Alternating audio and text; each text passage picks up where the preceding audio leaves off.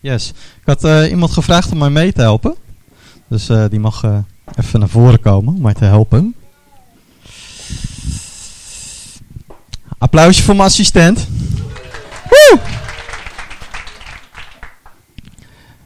Ik ga even ook naar voren hoor.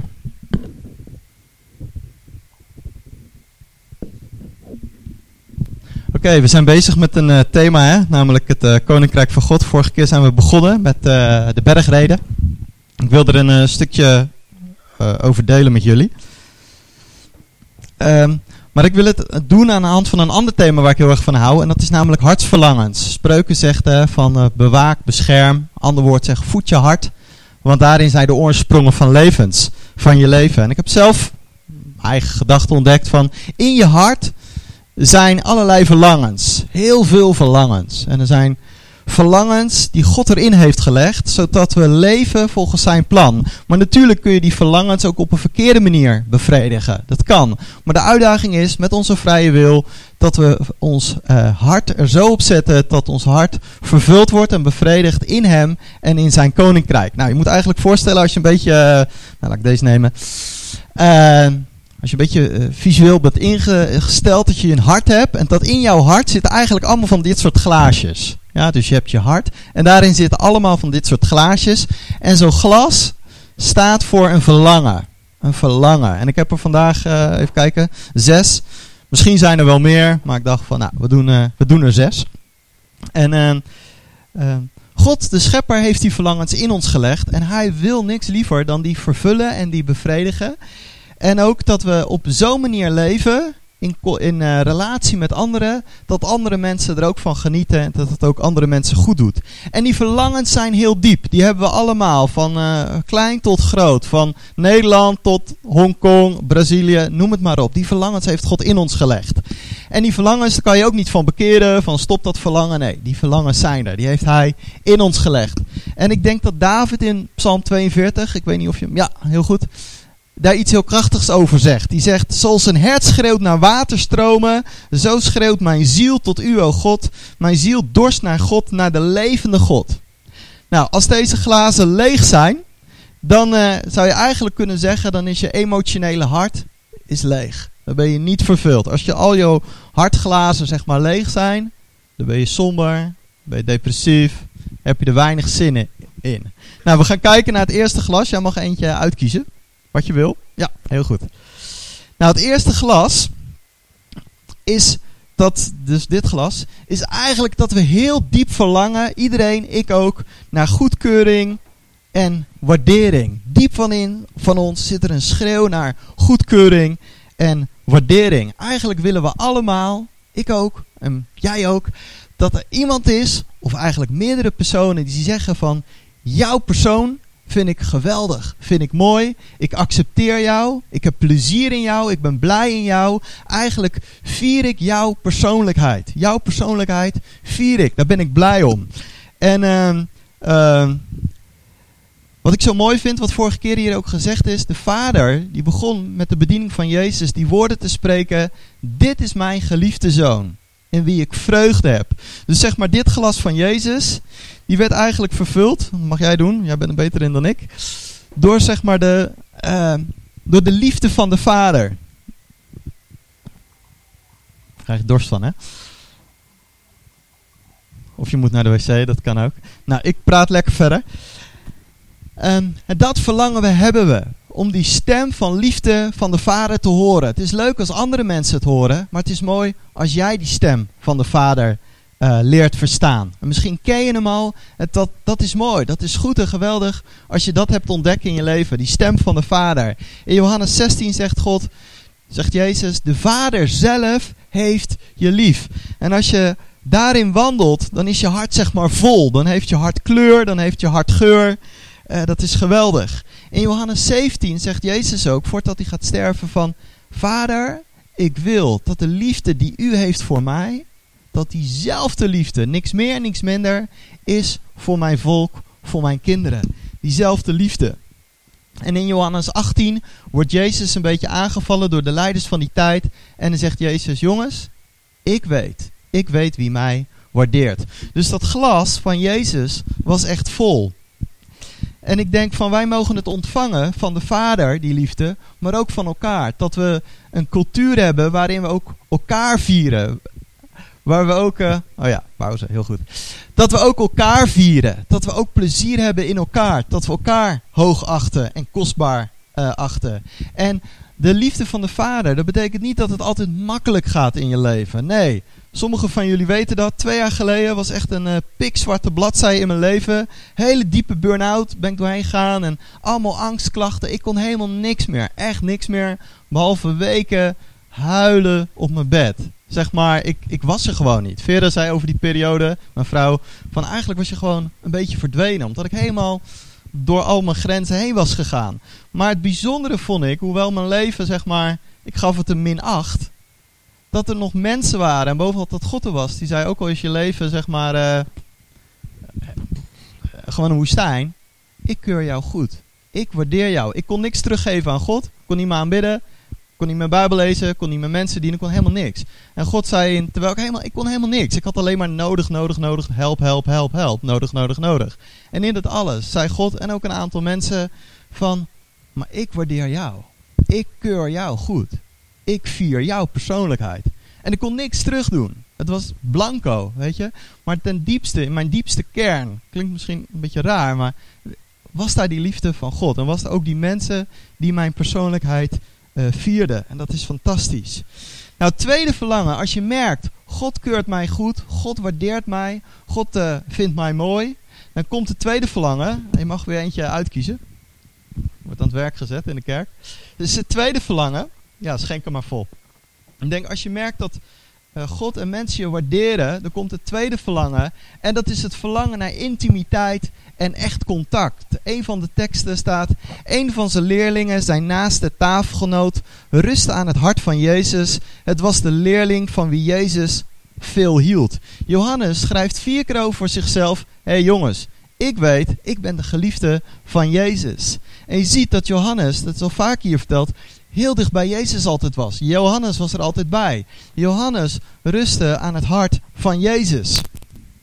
En ik denk, in, uh, uh, waardering van God leidt tot intimiteit met God. En dat is met God zo, maar ook met elkaar. Als je weet, die ander waardeert mij, die ander erkent mij, die ander acht mij hoog, dan wil je contact. Dan kan je nooit genoeg bij die ander zijn, omdat je daarvoor gemaakt bent om dat verlangen uh, bevredigd te hebben. En ik denk dat verlangen uh, uh, naar contact is ook dat God vreugdevol over je is. In Sefania vers, eh, hoofdstuk 3, vers 17 zegt God van, ik zing een lied van vreugde over jou. En uh, uh, tijdens het voorbereiden van, de, van, dit, van, deze preek was ik ook een beetje aan het bidden. En ik moest ergens aan denken, een aantal dingen. En ik deel het gewoon door mijn preek. Maar ehm, ik kreeg een indruk van een blokfluit. Opeens zag ik in mijn gedachten een blokfluit. Nou ja, en toen moest ik denken aan een, aan bijbeltekst wat staat in Lucas 7. Dan zeggen de kinderen van, wij hebben op de fluit gespeeld maar jullie hebben niet gedanst. Er was een vreugdevol liedje, maar jullie hebben niet gedanst. En ik geloof misschien dat sommigen van jullie, dat God echt een vreugdevol liedje over jou zingt. God persoonlijk, al zou er niemand in de zaal zitten, alleen jij. God zingt een vreugdevol liedje van blijdschap over jou. Weet je, een vreugdevol liedje, omdat hij van je houdt. Net zoals je dat wel ziet in romantische films, zoals Serenade. Een mooie vrouw, balkon, een mannetje met gitaartje zingen. Nou, ik denk dat is eigenlijk een beetje een beeld van God die een vreugdevol liedje voor jou zingt. En dan zegt in Lucas 7 van, maar je hebt niet gedanst. En op een of andere manier, ik ben zelf ook helemaal niet zo'n danser, ik ben stijf hark, mijn vrouw is veel beter dan ik. Iedereen danst, ik zit aan de, aan de zijkant. Maar dat God zegt eigenlijk van, joh, ik zing een vrolijk liedje. Kom op de dansvloer en zing met mij en ontvang ervan en geniet ervan. Oké, Dus die, die, die goedkeuring leidt tot intimiteit, leidt tot contact met God. En ik denk dat uh, dat is het diepste geheim. Het leven is niet altijd makkelijk, het is moeilijk. Ook al hou je veel van God, soms zijn er stormen, soms is er tegenwind, soms schud je leven door elkaar. Maar die intimiteit, dat is wel belangrijk. En dat is het meest waardevolle, dat is wat echt blijft. En een van de dingen die in, in mijn leven mij heel erg heeft geschud, is het volgende verhaal. Het was ongeveer 15 jaar geleden, toen deed ik bijbelschool. En er was een man, die heette Dr. Pieters. En die had net een campagne in Azië gedaan. Die had zes, zeven weken uh, rondgereisd. die had fantastische dingen meegemaakt. Wat we hebben over het koninkrijk, wonderen, genezingen, vele demonen uitgedreven, bijzondere tekenen van het koninkrijk. Hij had letterlijk spierpijn omdat hij gewoon bijna een hele week mensen had lopen dopen. Weet je, hij had spierpijn omdat hij zoveel mensen had gedoopt. En we hadden lunch en ik dacht van, uh, hoe, uh, hoe kom je daar? Wat is het trucje? Dus ik, ik, uh, ging, ik zat toevallig naast hem. Ik, ik wou het gewoon weten. Van joh, vertel mij, hoe, hoe, hoe, hoe kom je daar terecht? Wat jij doet, dat wil ik ook. Leer mij eventjes heel eenvoudig van hoe kom ik daar? En uh, toen schudde hij een beetje zijn hoofd. Hij zegt, jij wil alleen de vrucht. Maar waar het echt om gaat, is de intimiteit. En toen was hij heel lang stil. En ik zal ik nooit vergeten dat hij me aankijkt. Hij, zei, hij zegt, weet je wat? Zelfs als je de wekenlang bijzondere dingen meemaakt. Genezingen, mensen tot geloof, doopdiensten. Hij zegt, weet je, zelfs dat gaat op een gegeven moment een beetje vervelen. Zelfs dat wordt een beetje saai. Ik dacht, huh? Hel. Hij zegt, waar het werkelijk om gaat, aan het eind van de dag is dat ik samen met God en mijn Bijbeltje op schoot ben bij de Vader. Hij zegt dat is de werkelijke vervulling. Nou, dat vond ik zo fantastisch. Hij zegt als dat je grootste schat is, de rest komt langzaam vanzelf. Hij zegt draai je volgorde om. Ga eerst werken aan die wortel van intimiteit en je zult vrucht zien. Nou, dat vond ik zo verbazend. Gaan we naar de derde. Je mag weer uh, komen. Dat is het verlangen naar verwondering en fascinatie. Ik denk dat we allemaal diep in ons hart een verlangen hebben om verwonderd te worden. Mensen, oh, eh, ja. Mensen gaan naar verre landen, gaan naar sportwedstrijden, gaan naar museums en van alles en nog wat. Waarom? Om gefascineerd te zijn, om verwonderd te worden. Diep in ons hart, bewust of onbewust, hebben we een verlangen om uh, gefascineerd te raken. Ja, dankjewel.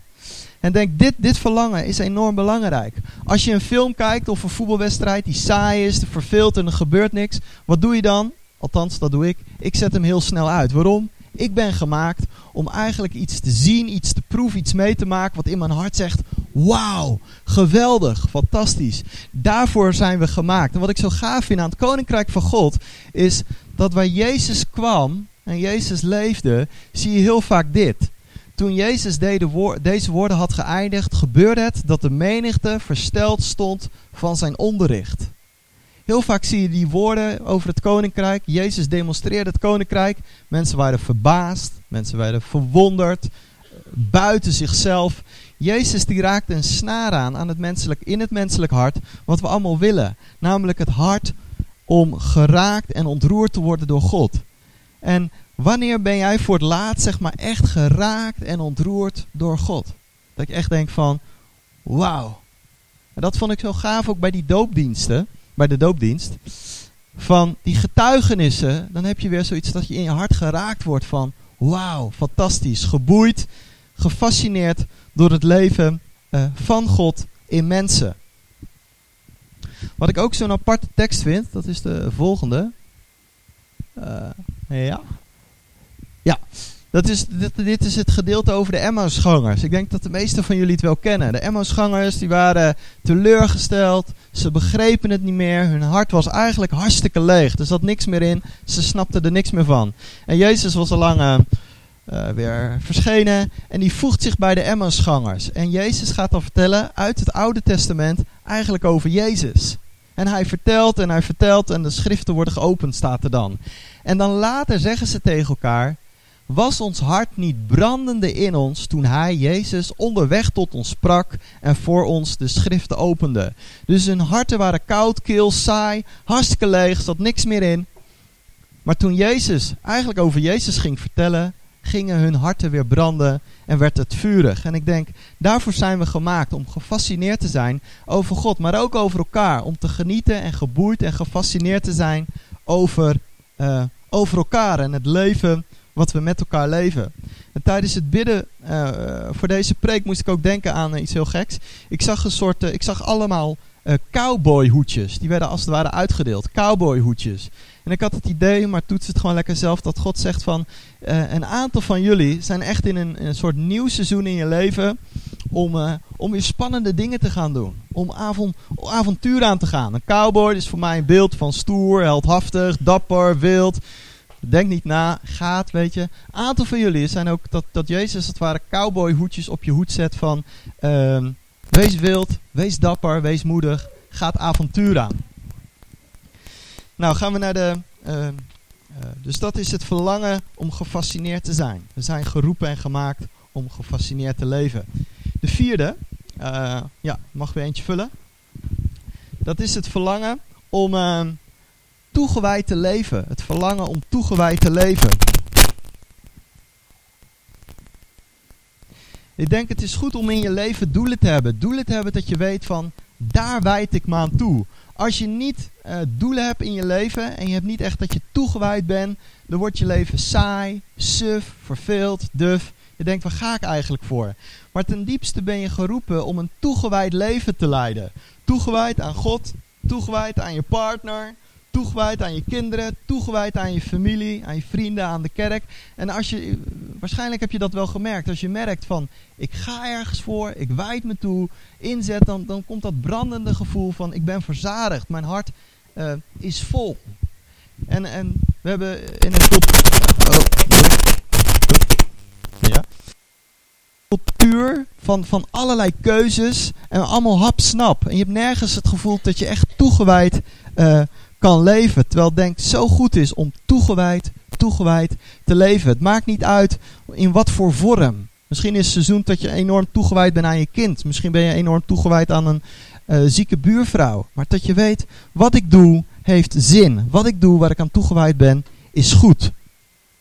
Zelfs als het soms lastig is. In Lucas uh, 5 staat, gelukkig wie vanwege de gerechtigheid vervolgd worden. Nou, dat is raar gerechtigheid vervolgd worden. Dat wil je niet. En toch zegt de Bijbel, dan ben je gelukkig. Omdat je weet, ten diepste ben ik toegewijd. Ik zet me in. Ik geef me daaraan. En dan zegt God, dan is er geluk aan de binnenkant van je, van je hart. En verder, um, gelukkig zijn jullie wanneer je omwille van mij uitschelden, vervolgen en van allerlei kwaad betichten. Verheug je en juich, want je zult rijkelijk beloond worden. Ik denk dat dat is weer zoiets. Dat je, je bent toegewijd aan God. Ook al is er tegenstand. Ook al is er negativiteit. Er is een vreugde daarboven. Omdat je weet, maar ik ben toegewijd. En je hebt het ervoor over. Waarom? Omdat je gemaakt bent om een toegewijd leven uh, te leven. En tijdens het bidden voor deze preek moest ik aan zo'n dingen nog aan iets denken. En... Uh, dat is wel grappig. Ik zag een soort poort. Gewoon, nee, ik zag een muur en daarin zo'n oude poort waar je zo doorheen kan wandelen. Zoals je in Elburg hebt en in andere steden. Maar daarvoor zag ik een hele dikke uitgezakte kameel zitten. Helemaal dik uitgezakte kameel. En op die kameel stond teleurstelling. En ik moest denken aan dat verhaaltje van Lucas 18. Daar zegt Jezus van... Het is, even kijken hoor. Het is makkelijker voor een kameel door het oog van de naald te gaan dan een rijke het koninkrijk van God binnengaat. Soms kan het zo zijn met heel veel rijkdom, dat je er zo aan gehecht zit, dat je het lastig vindt om het koninkrijk van God in te gaan. Maar die kameel, die was niet een beeld van rijk, maar die was heel teleurgesteld. Er stond teleurstelling op die kameel geschreven. En als je teleurstelling hebt in je leven, en dat mag, dat kan, er zijn periodes dat teleurstelling op zijn plek is, is het soms lastig om in het koninkrijk van God uh, verder te gaan, om, om, om dieper in te gaan. Maar ik heb het idee van soms is het uh, gewoon een seizoen om te rouwen en teleurgesteld te zijn. Maar soms is er ook weer een proces van laat de teleurstelling los en wees niet als die kameel, maar wijd je opnieuw toe. Maak kleine stapjes om door die poort te gaan, dieper het koninkrijk van God in. Oké. Nog, een, uh, nog eentje, de ene laatste. Dat is het verlangen naar schoonheid. Mijn, mijn dochter, Mirte, die heeft een periode gehad dat ze een aantal keer per dag kwam ze in haar prinsessenjurk. En dan kwam ze naar me toe en zei ze, ben ik niet mooi? Ben ik niet een mooie prinses? Ben ik niet geweldig? En ook mijn zoontje, die trok ook een kleine jurk aan. Ben ik ook niet mooi? Ben ik ook niet mooi? Ben ik ook niet mooi? Ja, je bent ook mooi. Oh jee. Wat moet dat worden? Weet je? Maar het laat iets zien in haar hart. Zij wou schoonheid weerspiegelen en zij wou schoonheid uh, weergeven. En ik denk van ten diepste. Er komt de wissel. Ja. Ja, dat is beter. Uh, zijn we ook gemaakt om schoonheid te weerspiegelen? En dan niet alleen dat we met z'n allen in prinsessenjurken natuurlijk gaan rondlopen. Maar schoonheid van de binnenkant. En dat heeft aan de ene kant te maken met gaven en talenten. Het is geweldig als je je gaven en talenten mag inzetten. En ik geloof dat dit een, een, een, een, een lokaal huis is met heel veel gaven, talenten en bijzondere dingen. Voor in de kerk, maar ook voor in de maatschappij. En het is goed dat je tegen jezelf mag zeggen: hé, hey, ik zet mijn talenten, ik zet mijn gaven in. Ik ben iemand die mijn talenten en mijn gaven en de mooie dingen die ik heb gegeven, dat ik die mag gebruiken. Dat is goed en mooi. Maar nog iets verder, dat ook in je karakter is het mooi om schoonheid te weerspiegelen. En daar gaat eigenlijk ook de volgende tekst over. Gelukkig de barmhartigen, want zij zullen barmhartigheid ondervinden. Gelukkig wie zuiver van hart zijn, want ze zullen God zien. Dat gaat, eh, en dan staat er nog verder, vers 9. Gelukkig de vredestichters, want zij zullen kinderen van God genoemd worden. We, we, we zijn gemaakt om schoonheid, echte schoonheid, de vruchten van de Heilige Geest, om die te weerspiegelen. Het voelt goed aan de binnenkant als je merkt, ik ben barmhartig, ik ben zuiver, ik verspreid uh, uh, vrede. Dan wordt je glas van je verlangen eigenlijk vol. Het maakt niet zozeer of mensen het waarderen of opmerken, maar dat je van jezelf weet. Ik weerspiegel schoonheid. God zelf is ultieme schoonheid. Hij weerspiegelt elke ietsje pietje seconde schoonheid. En wij zijn ook bedoeld om schoonheid naar elkaar weer te geven. Om schoonheid te weerspiegelen. En als laatste alweer, uh, dat is het verlangen om een positieve bijdrage te leveren. Uh, we hebben nog glas? Ja, laatste glas. Ik geloof we zijn allemaal gemaakt om een positieve bijdrage te leveren aan het leven van de ander. Jezus zegt in uh, Matthäus 5, vers 13: U bent het zout voor de aarde. Als het zout zijn kracht verliest, is er niets om het om het weer zout te maken. Het deugt nergens meer voor. Je kunt het alleen nog maar weggooien op straat waar mensen er overheen lopen. U bent het licht van de wereld. Een stad die op een berg ligt. Die kan niet verborgen blijven. En men steekt geen olielamp aan om haar onder een korenmaat te zetten, maar men zet haar op de standaard. Dan straalt zij licht uit voor alle die in het huis zijn. Zo moet u ook het licht uitstralen voor de mensen. Dan kunnen zij het goede zien dat u doet en zij zullen uw Vader in de hemel bewijzen. Het is goed om een positieve bijdrage te leveren aan anderen. En ik geloof dat velen van jullie al enorme positieve bijdrage hebben in levens van anderen. Misschien heb je het niet altijd door, is het licht aan de achterkant en niet zozeer in de voorkant. Maar velen van jullie hebben al enorm positieve invloed, zijn al licht, zijn al zout in je gezin, in je familie, in je leefomgeving. En dat is fantastisch. En je mag dan ook tegen jezelf zeggen, zodat dat echt, uh, dat je het ook bij jezelf weet, die vernieuwing van denken. Ik ben een persoon die een positieve bijdrage levert. En je komt uit die veroordeling, je komt uit dat schuldgevoel, maar jij bent iemand die een positieve bijdrage levert. Jij bent al zout en je bent een licht. Natuurlijk kan je altijd groeien, maar soms is het ook goed om even gewoon stil te staan. Van hé, hey, fantastisch. An, is dit glas half vol of is het half leeg? je kan natuurlijk altijd kijken, ja, maar dit is allemaal nog niet helemaal. Maar je kan ook zeggen van hé, hey, ik heb al heel veel intimiteit met God. Ik heb al heel veel van de Vader ontdekt. Weet je, ik ben al best toegewijd aan, aan, aan vrienden, aan familie, aan God. Ik heb al een positieve bijdrage. Hoe kijk je? En als je alleen maar hierop richt, op wat er niet is, wat ontbreekt, wat tekort is, dan zul je eigenlijk ook niet genieten van wat, wat er wel is, snap je? Wat er vol is. Het is gewoon goed om tegen jezelf te zeggen, tegen elkaar te zeggen, van hé, hey, we zijn mensen. Tuurlijk kunnen we leren en ontdekken maar we zijn mensen die die verlangens hebben. En die verlangens al heel vervuld en bevredigd leven. En uh, ik geloof tot slot, hoe meer je dat weet van jezelf en daarin gaat staan en daar bewust van bent, hoe krachtiger het ook tot leven komt. Als je je alleen maar richt op wat er niet is, dan gaat het glas alleen maar meer en meer leeg. De vervulling gaat leeg. Maar als je, als je tegen jezelf zegt en tegen elkaar van ik ben een gefascineerd persoon en ik weerspiegel schoonheid, dan zal het alleen maar toenemen en dan zal het alleen maar groeien.